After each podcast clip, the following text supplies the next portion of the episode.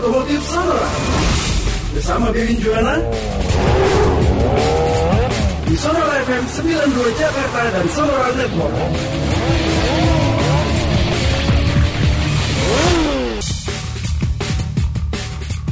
Selamat pagi apa kabar sahabat Sonora semuanya Salam sehat untuk Anda semua Salam sehat buat sahabat Sonora di Jakarta Kemudian Purwakarta, Yogyakarta, Surabaya, Lampung, Palembang, Bangka, Cirebon, Pontianak, Solo Dan sahabat-sahabat Sonora di kota-kota lain yang tengah mendengarkan via streaming di sonora.id dan sonora.co.id Senang sekali pada pagi hari ini saya Anto kembali hadir di acara klinik otomotif Sonora Dan seperti biasa selama 2 jam Hingga pukul 12 siang nanti segala hal tentang otomotif akan kita bahas di acara ini.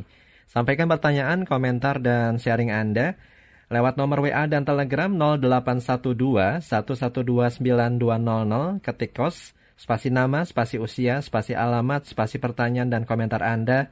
Termasuk bagi Anda yang ingin bertanya langsung di acara ini, cukup ketik on air di belakang, nanti kami akan hubungi selama acara berlangsung.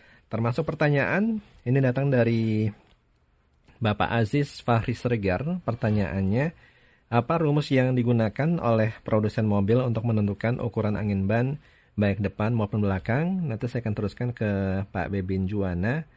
Kemudian ada lagi datang dari Pak Mark, selamat siang, salam sehat Pak. Perihal tekanan mobil, apakah penurunan tekanan ban mobil sebesar 2 sampai 4 PSI per bulan itu normal? Kendaraan R3, ban, GT radial, standar pabrik, 18565R15. Terima kasih. Isinya angin biasa. Nanti saya akan teruskan ke Pak Bebin Juana. Kemudian datang lagi datang dari Bapak Danang Wahyudi di Reni Jaya, Pondok Benda Pamulang. Ini sharing ya, menurut saya sanksi kepada pengendara yang ugal-ugalan di jalan tol yang kurang tegas. Mohon jadi perhatian dari pihak kepolisian. Oke, terima kasih. Kemudian datang dari Anyan di Jakarta. Ini kembali mengenai penggunaan ban mobil. Ada masanya sekalipun kondisi ban masih baik. Pertanyaan, di mana melihat masa pakainya? Kemudian apa akibatnya jika tetap kita gunakan?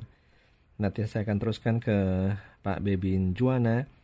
Kemudian ada lagi datang dari salah seorang sahabat yang bertanya di acara klinik otomotif Sonora pada siang hari ini. Di antaranya datang dari salah seorang sahabat yang juga sudah bergabung, Bapak Eko Endri Wiono. Nanti saya akan teruskan pertanyaannya. Pak, ini bicara mengenai ban mobil, Pak. Ada beberapa pertanyaan. Di antaranya datang hmm. dari Bapak Aziz Fahri Sergar. Apa hmm. rumus yang digunakan oleh produsen mobil untuk menentukan ukuran angin ban, baik depan maupun belakang, Pak Bebin? Ya, pada dasarnya berat kendaraan hmm. ditambah muatan. Oke. Okay. Uh, yang lazim seperti itu, tapi tidak hanya itu. Karena ini kan menganut beban dinamis, hitungannya lebih lebih lebih ruwet dari apa yang kita eh, bayangkan. Karena ini beban dinamis. Hmm. Kemudian uh, saya juga pernah terlibat uh, pengetesan ini apa pengereman hmm. kaitannya itu uh, pengetesan pengereman itu di jalan kering maupun basah hmm. di kecepatan 60, 80, 100 itu angkanya berapa meter, kemudian hmm. ketentuan internasional itu maksimum berapa, hmm. apakah sudah memenuhi apa belum gitu. Hmm. Oke. Okay. Nggak nggak apa jangan dipikir uh, sedemikian sederhananya. Hmm. Hmm. Termasuk ini yang Pak. jelas ada unsur beban dinamisnya. Iya.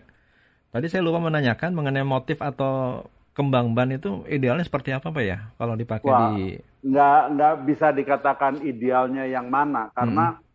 uh, ini pun berkaitan dengan kecepatan kendaraan. Hmm bukan bukan berarti masalah uh, terkait pada batasannya gitu ya. Yeah. Batasan maksudnya begini.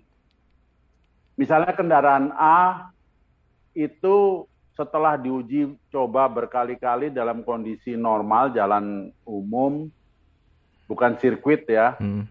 Itu bisa menjangkau 165 gitu. Nah, dikembalikan ke rumus tadi. Hmm. Pada kecepatan 100 km per jam, bukan 165-nya gitu ya. 100 km per jam itu uh, pengeremannya seperti apa, jarak pengeremannya seperti apa. Hmm. Nah, di kecepatan 165 itu temperatur ban berapa? Ya. Kemudian eh, gripnya seperti apa sih hmm. pada kecepatan itu, gitu. Nah itu biasanya sih eh, bukan kelas kita kita yang apa eh, pengemudi harian hmm. yang melakukan testing kalau udah di tingkat itu, gitu. Iya. Sehingga yeah. Eh, apa tadi pertanyaan Anto, jadi keputusannya pilih ban ini atau ban ono gitu ya uh, keputusannya memilih ukuran ban dan sebagainya itu uh, ada apa hitung-hitungan yang cukup uh, rumit sehingga misalnya dari sisi desainer uh, mengatakan bahwa velgnya 15 gitu. Hmm. Ya. Dari sisi engineering uh, menentukan lebarnya mesti berapa? 185, yeah. 175. Yeah ketebalan ban gitu. Karena ini kan ketebalan ban kan kita bicara juga uh, kenyamanan. Hmm. Karena harus kerjasama dengan dengan suspensi kan. Hmm. Ya kalau kamu dikasih ban 40 kan naikannya setengah mati gitu. Hmm. Dibanding kalau kamu udah pakai ban 55 misalnya. Hmm. Termasuk ban ini Jadi, Pak? Jadi banyak banyak faktor gitu. Ban-ban yang sekarang buat gaya tapak lebar Pak ya. Ketika hujan hmm. tuh gimana Pak ya? tapak lebar ketika hujan ya baik-baik saja sih toh. Mm -hmm. Gitu. Tetapi Anda juga mesti memahami ketika tapaknya lebar sekali seperti itu berarti kan gesekannya tinggi. Mm. Gesekan tinggi kan kalau ditarik benang merahnya kan akan mengarah kepada pemakaian bahan bakar. Yeah. Jadi ketika Anda kepingin gaul, ya ada yang mesti dikorbankan gitu. Hmm, efisiensi pak ya. Iya. Hmm, hmm. Cuma kalau dari sisi apa keamanan aman ya? Aman, aman lebar ya? hmm. aman. Aman ya, oke. Okay. Hmm. Baik. Cuman ya memang mungkin Anto berpikir juga ketika ketemu genangan, hmm. Maka permukaan yang ketemu genangan kan semakin lebar. Iya. Kamu akan merasa semakin seolah-olah direm yeah. oleh genangan itu dan bisa saja dirasakan sebagai seperti kalau hanya genangannya terkena apa sebelah roda sebelah saja akan seperti setir narik banget mendadak gitu. Hmm, Oke, okay. Saya beralih ke gitu. pertanyaan Pak Mark, uh, Pak Bebin perihal tekanan mo ban mobil. Apakah penurunan tekanan ban mobil sebesar 2 sampai 4 PSI per bulan itu normal, Pak? 2 sampai 4 per bulan. Hmm. Terus terang 2 sampai 4 saya sendiri mengalami di masa pandemi. Oke. Okay. Artinya maksud saya adalah ketika mobil banyak tidak dipakai, itu saya sendiri ngalami. Hmm. Makanya eh, jangan sekali-kali berpikir bahwa ah mobilnya nggak dipakai ini gitu ya. Hmm. Terus hal itu boleh dilewatkan gitu. Yeah. Malah saya melihat kok rasanya ketika nyaris dipakai setiap hari itu setiap bulan paling turunnya dua poin. Hmm. Gitu. Oke. Cuma nih orang juga harus dikasih gambaran pak ya. Uh, ketika tekanan salah satu tekanan angin pada ban berkurang, ini ketika berkendara tuh yang mereka rasakan seperti apa, Pak? Kalau tadi dikatakan bahwa teka, ini saya mengambil example apa mengambil contoh dari Bapak tadi siapa yang bertanya itu ya. Hmm. Kalau tekanan anginnya berkurang 4 poin dan roda belakang yang berkurang 4 poin, kamu nggak merasakan apa-apa. Yeah. Unless kecuali kamu orang yang sensitif Artinya peka sekali hmm. terhadap perubahan kendaraan. Kalau enggak, enggak berasa. Hmm. Bahkan saya uh, katakan di diri saya sendiri, berkurangnya 2 sampai 4 poin di roda depan, saya sulit merasakan. Yeah. Tapi saya lebih lebih apa ya? Lebih sensi terhadap penglihatan saya. Hmm. Maksudnya gini, saya begitu melihat ban gitu ya, lihat gitu, feeling saya kok kayak tekanan angin tuh kurang ya, hmm. gitu. Hmm. Ketimbang, jadi kita harus harus ngertiin diri kita masing-masing. Apakah anda sensi dengan dengan feeling ketika berkendara atau seperti saya, saya lebih sensi melihat perubah apa melihat perubahan tampilan gitu loh, hmm. toh. Hmm. Kok bannya segini, kayaknya kurang ya. Terus buru-buru. Hmm. Jangan hal kayak gitu jangan terus diabaikan. Ah, iya. Yeah. aja deh gitu. Betul. Saya buru-buru periksa, eh bener loh. Dan mungkin karena itu saya jadi semakin peka gitu loh toh. Hmm, hmm. Pekanya terhadap penglihatan saya. Iya. Wah nggak bener nih. Hmm. Ban yang satu ini nggak bener nih. Ukur, bener meleset. Iya. Tekanannya udah turun. Gitu. Hmm, hmm. Cuma memang nggak ada salahnya ketika mau pergi jauh ya harus dicek kembali pak ya. Iyalah. Hmm. Oke. Okay. Bukan nggak ada salahnya itu. ini Anto kadang-kadang suka ini ya memberikan. Loh, kan saya kan memberikan toleransi kepada pendengar, Pak. Uh, enggak, enggak, enggak. Kalau saya enggak berani toleransi di urusan itu, toh. Iya. Pertanyaan ini kedua, Pak. Yang penting. Pertanyaan kedua, kendaraan R3 ban GT radial standar pabrik O18. Hmm. Dia cuma menambahkan keterangan, Pak ya. Oke. Okay. Oh. Saya beralih ke pertanyaan datang dari Pak Anyan di Jakarta. Benarkah penggunaan ban mobil ada masanya, sekalipun kondisi ban masih baik? Kemudian di mana melihat masa pakainya, apakah apa akibatnya jika tetap dipakai? Ketika ban tersebut sudah terpasang di kendaraan kita dan kita pakai, hmm. Saya berprinsip tidak ada masa kadaluarsa. Yeah. Sudah dipakai, Betul. sudah dipompa, sudah dipelihara, ya kan? Kalaupun dikatakan tanda kutip ban basi, mm-hmm. saya lagi-lagi lebih kepada tampilannya toh.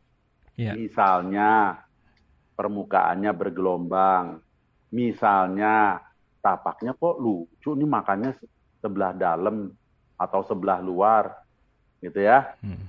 Misalnya ketika dibersihkan, ini ada bagian dinding kok kelihatannya seperti tanah kering, udah mulai ada retak-retak halus. Mm saya lebih lebih apa ya lebih concern ketika saya melihat itu hmm. atau TWR wah udah deket nih hmm. paling tinggal dua mili nih itu udah udah lampu warning buat diri sendiri udah udah nyala itu toh hmm. saya nggak peduli terhadap produksi kan selalu kan ada iya, batch apa kode produksi minggu ke berapa, tahun berapa gitu kan. Hmm. Saya nggak peduli. Tapi saya peduli itu ketika saya beli. Yeah.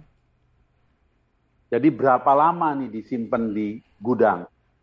Permasalahannya bukan terus, waduh karetnya kan sudah nggak lentur. Saya nggak nggak bicara teori-teori begituan gitu hmm. loh.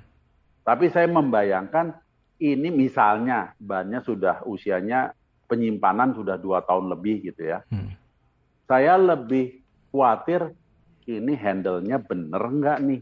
Mm-hmm.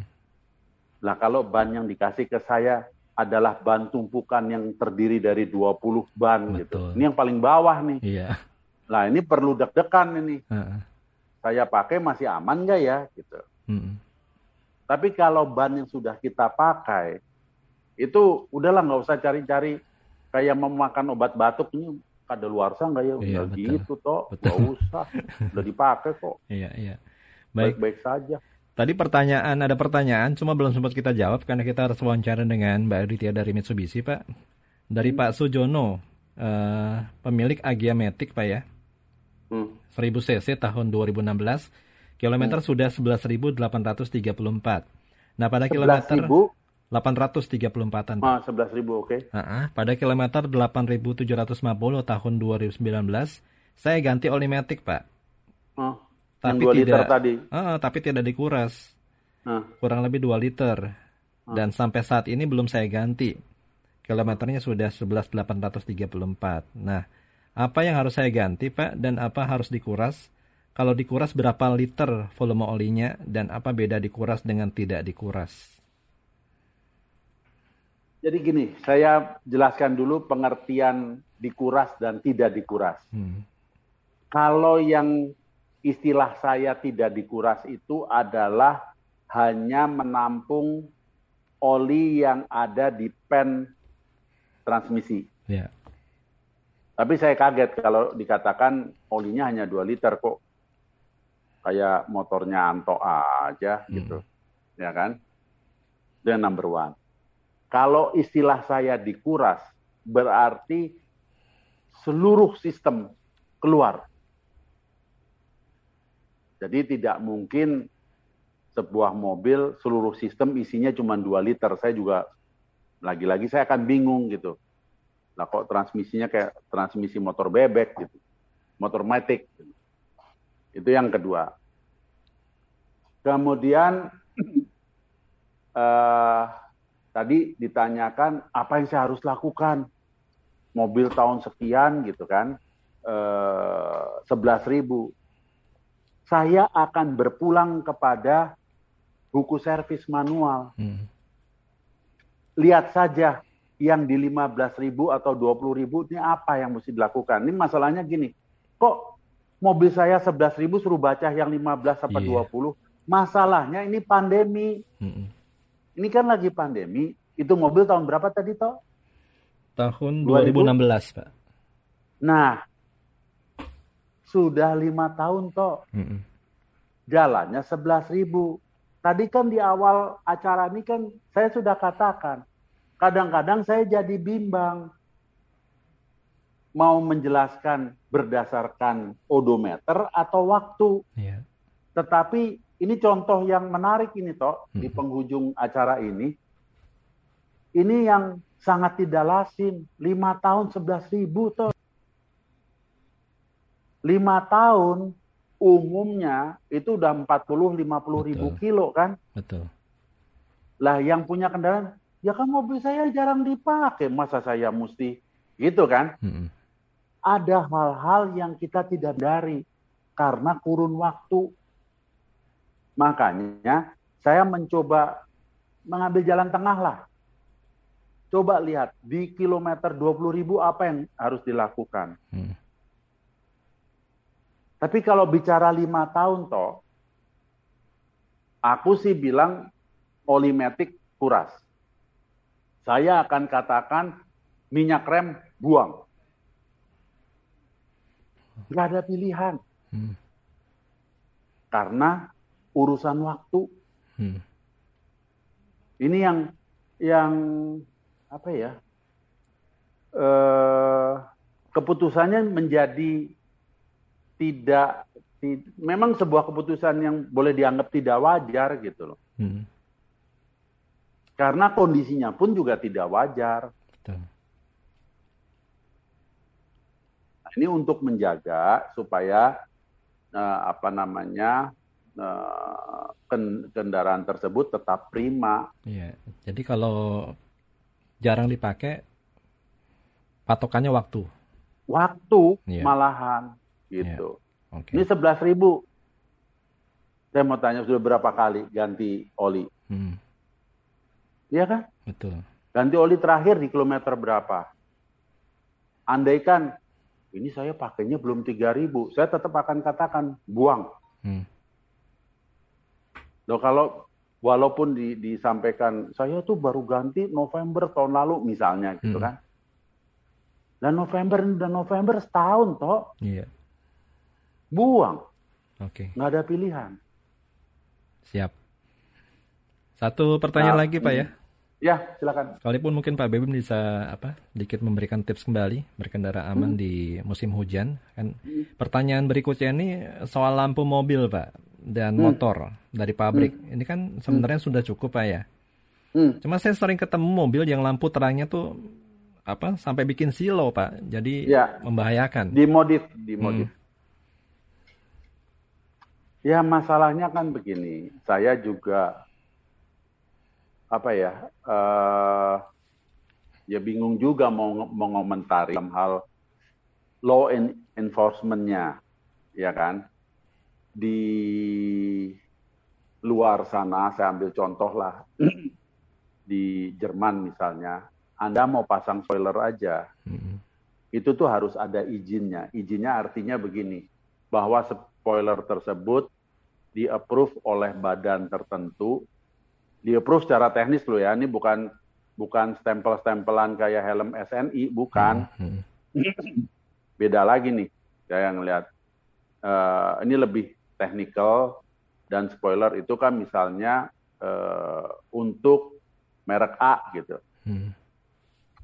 Kalau di kita kan pergi ke Kemayoran mobil kamu merek B kan yeah. Pak ini bisa dipasang. Ya, semua juga bisa kalau di kita mah pinter banget ngakalin suruh hmm. pasang sana pasang sini. Di sana nggak bisa toh. Hmm.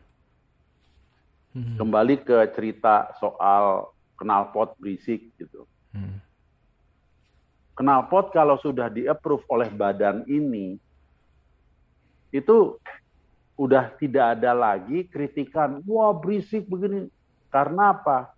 Artinya ketika dipasang ke kendaraan yang bersangkutan, output dB-nya, kekerasan suaranya, itu juga sudah memenuhi persyaratan dari negara yang bersangkutan. Gitu. Hmm.